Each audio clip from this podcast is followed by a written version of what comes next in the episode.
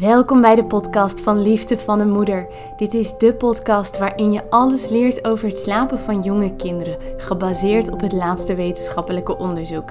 Eerlijke informatie over het slapen, de ontwikkeling van je kindje en wat je als moeder kan doen om beter te slapen, in verbinding met je kindje. Ik ben Mildred en elke week neem ik je mee in een onderwerp rond het slapen. Laten we beginnen. Hoe kan ik iemand ervan overtuigen dat de manier waarop ik voor mijn kindje zorg de beste manier is? Het is een vraag die ik vaak binnenkrijg van moeders die op een bepaalde intuïtieve manier voor hun kindje willen zorgen en vervolgens daar commentaar op krijgen vanuit hun omgeving. Het is belangrijk om je te beseffen dat de meeste mensen die commentaar hebben of die advies hebben, dat doen vanuit een bepaalde liefde en zorg voor jou. Zo zien ze bijvoorbeeld dat je moe bent en willen ze gewoon heel erg graag dat jij aan je eigen rust komt. Het probleem is alleen dat het feit dat zij heel graag willen zorgen voor jou, dat ze vaak daarbij het probleem bij een babytje neerleggen. Terwijl de kans heel groot is dat je een kindje hebt dat gewoon heel normaal slaapt. Misschien is je kindje elke twee uur wakker, drinkt vaak kleine slokjes gedurende de nacht en slaapt overdag het allerliefste in je armen.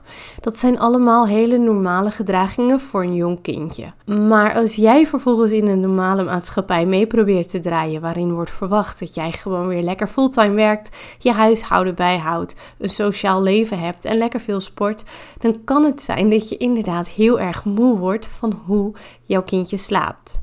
Dat betekent niet dat je kindje iets geks doet, maar het betekent wel dat je probeert om te leven naar een westerse standaard, terwijl je zorgt voor je kindje op een iets ander niveau, namelijk veel intuïtiever en veel instinctiever. Als mensen dan vervolgens zien dat jij daar heel erg moe van wordt, dan komen ze vaak met allerlei tips. Leg je kindjes apart. Je moet hem eens leren slapen. Je zou er eens voor moeten zorgen dat je kindje leert dat je niet altijd komt als die huilt. Nou zijn dit natuurlijk allemaal dingen die je doet vanuit liefde voor je kindje. Jij reageert omdat je kindje huilt en jij denkt, mijn kindje heeft mij nodig. Je voedt je kindje s'nachts omdat jij misschien wel heel goed weet dat dat heel normaal babygedrag is. En toch zal je vaak zien dat veel advies wat je krijgt vervolgens zegt, leg maar weg. Negeer maar. Dat kan je heel erg onzeker maken. De reden dat bepaald advies je heel onzeker kan maken, is omdat je soms het gevoel hebt dat mensen niet jou vertrouwen. Jij hebt je namelijk ingelezen en je hebt heel erg je best gedaan om nieuwe dingen te leren over het slapen van je kindje en over normale en gezonde ontwikkeling. En als dan vervolgens mensen constant met advies en met kritiek komen, kan het voelen alsof ze jou niet serieus nemen. Alsof ze vinden dat jij niet capabel bent om zelf goed die keuzes te maken. Maar toch is het niet jouw taak om die mensen te overtuigen. Sterker nog, vaak zijn die mensen helemaal niet op zoek naar wetenschappelijke tegenargumenten om hun eigen gevoel onderuit te halen. Vaak zijn die mensen bezig om vanuit liefde een bepaalde zorg met jou te delen merk je dat je constant advies krijgt en vindt iemand het heel erg fijn om constant jou te vertellen dat je het niet goed doet en dat je echt eens wat beter voor jezelf of je kindje moet gaan zorgen, dan zijn er bepaalde manieren waarop je dat advies kan afkappen. Zoals ik heb me ingelezen en ik sta achter de keuzes die ik maak, of waarbij je bijvoorbeeld zegt van, goh, wat interessant dat je dat met me deelt. Heb je daar misschien ook bronnen van? Ik zou er heel graag meer over willen lezen. Zo laat je zien dat je iemands advies serieus neemt. En kaat je vervolgens terug dat iemand heel waarschijnlijk zich baseert op de nicht van een oud-tante van een neef die verderop in Australië woont en daar een keer slaaptraining heeft gedaan. Dus probeer het weer terug te leggen bij de ander en trek het je niet al te veel persoonlijk aan. Als iemand zich toch zorgen blijft maken over jou, want ze zien bijvoorbeeld dat jij heel erg moe bent, dan kan je altijd zeggen van nou, het klopt, ik ben inderdaad wel heel erg moe. Het valt me best wel zwaar zoals het op dit moment gaat. Maar ik sta nog steeds achter de keuzes die ik maak en hoe ik voor mijn kindje zorg. Zou je me misschien een keer willen helpen met vul maar in? En dan kan je vervolgens iets anders kiezen waar iemand je prima mee kan helpen. Daarmee leid je het gesprek af van het probleem dat jij iets zou moeten veranderen aan hoe je kindje slaapt. Of nog erger, dat je kindje anders zou moeten gaan slapen, zodat degene die jou advies geeft een beter gevoel heeft over zichzelf. En kan je daarna het gesprek verder voortzetten. Daarnaast gebeurt het vaak dat degene die constant jouw advies aan het geven is over hoe jij iets zou moeten doen, eerder worstelt met bepaalde keuzes die ze zelf hebben gemaakt. Soms zie je dat moeders die keuzes hebben gemaakt waar ze eigenlijk zelf niet achter staan, omdat dat werd gezegd door bijvoorbeeld het consultatiebureau, zich enigszins geïntimideerd voelen door jouw kracht en jouw standvastigheid om een keuze te maken vanuit je eigen hart.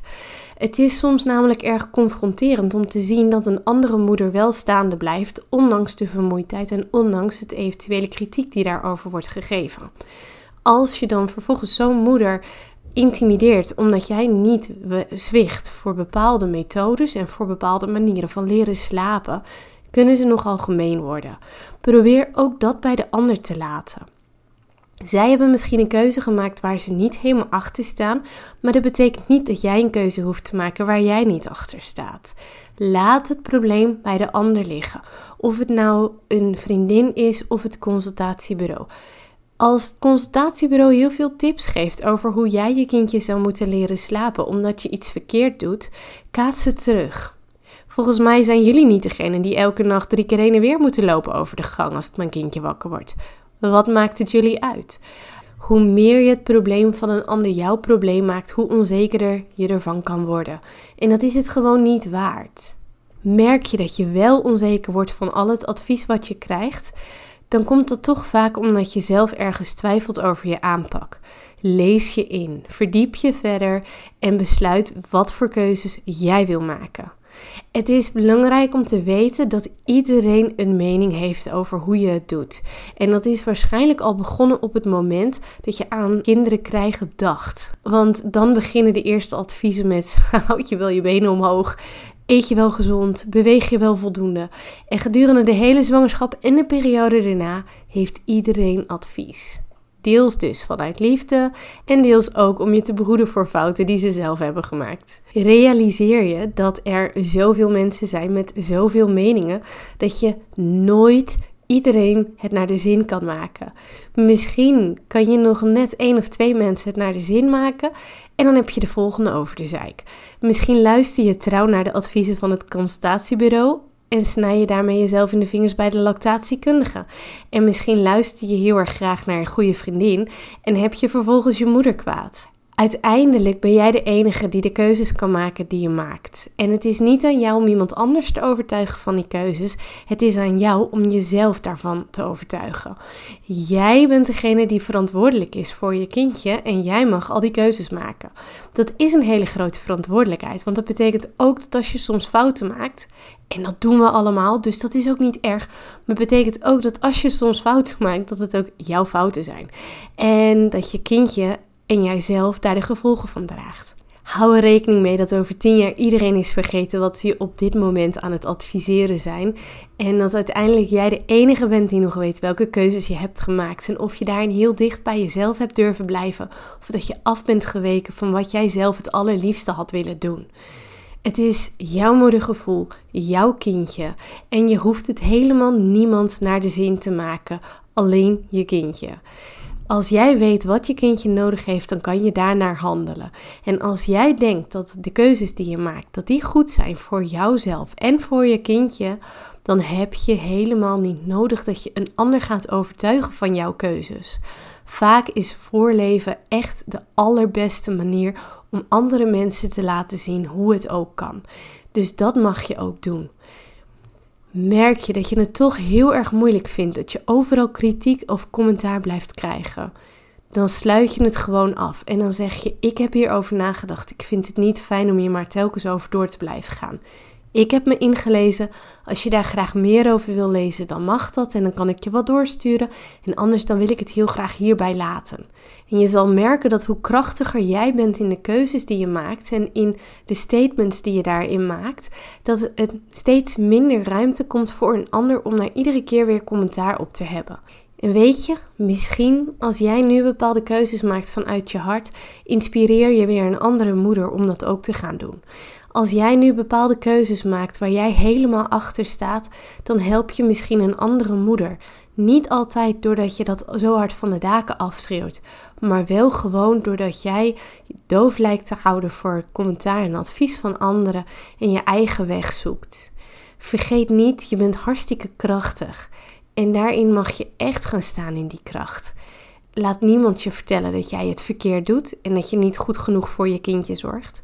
Je hoeft je kindje niet te leren slapen. Je hoeft je kindje niet naar onafhankelijkheid te duwen. Het enige wat jij hoeft te doen is trouw blijven aan jezelf en aan daar waar jij voor wil staan. Nu en over tien jaar. En dan kan je dat advies van een ander makkelijk naast je neerleggen. En wil je toch heel graag meer wetenschappelijke achtergrondinformatie, dan ben je altijd welkom om op de site www.liefdevaneenmoeder.nl te komen kijken. Want daar staan veel meer blogs met allemaal informatie over het slapen van jonge kinderen. En je kan de cursus Beter slapen vanuit verbinding doen, waarin je vier weken lang vanuit de wetenschap leert over het slapen van jonge kinderen. En ik weet zeker dat je daarna niet eens meer de urgentie voelt om constant te verdedigen wat jij doet. Puur omdat je weet dat het goed is zoals jij het doet. En weet je, dat is nu ook al zo.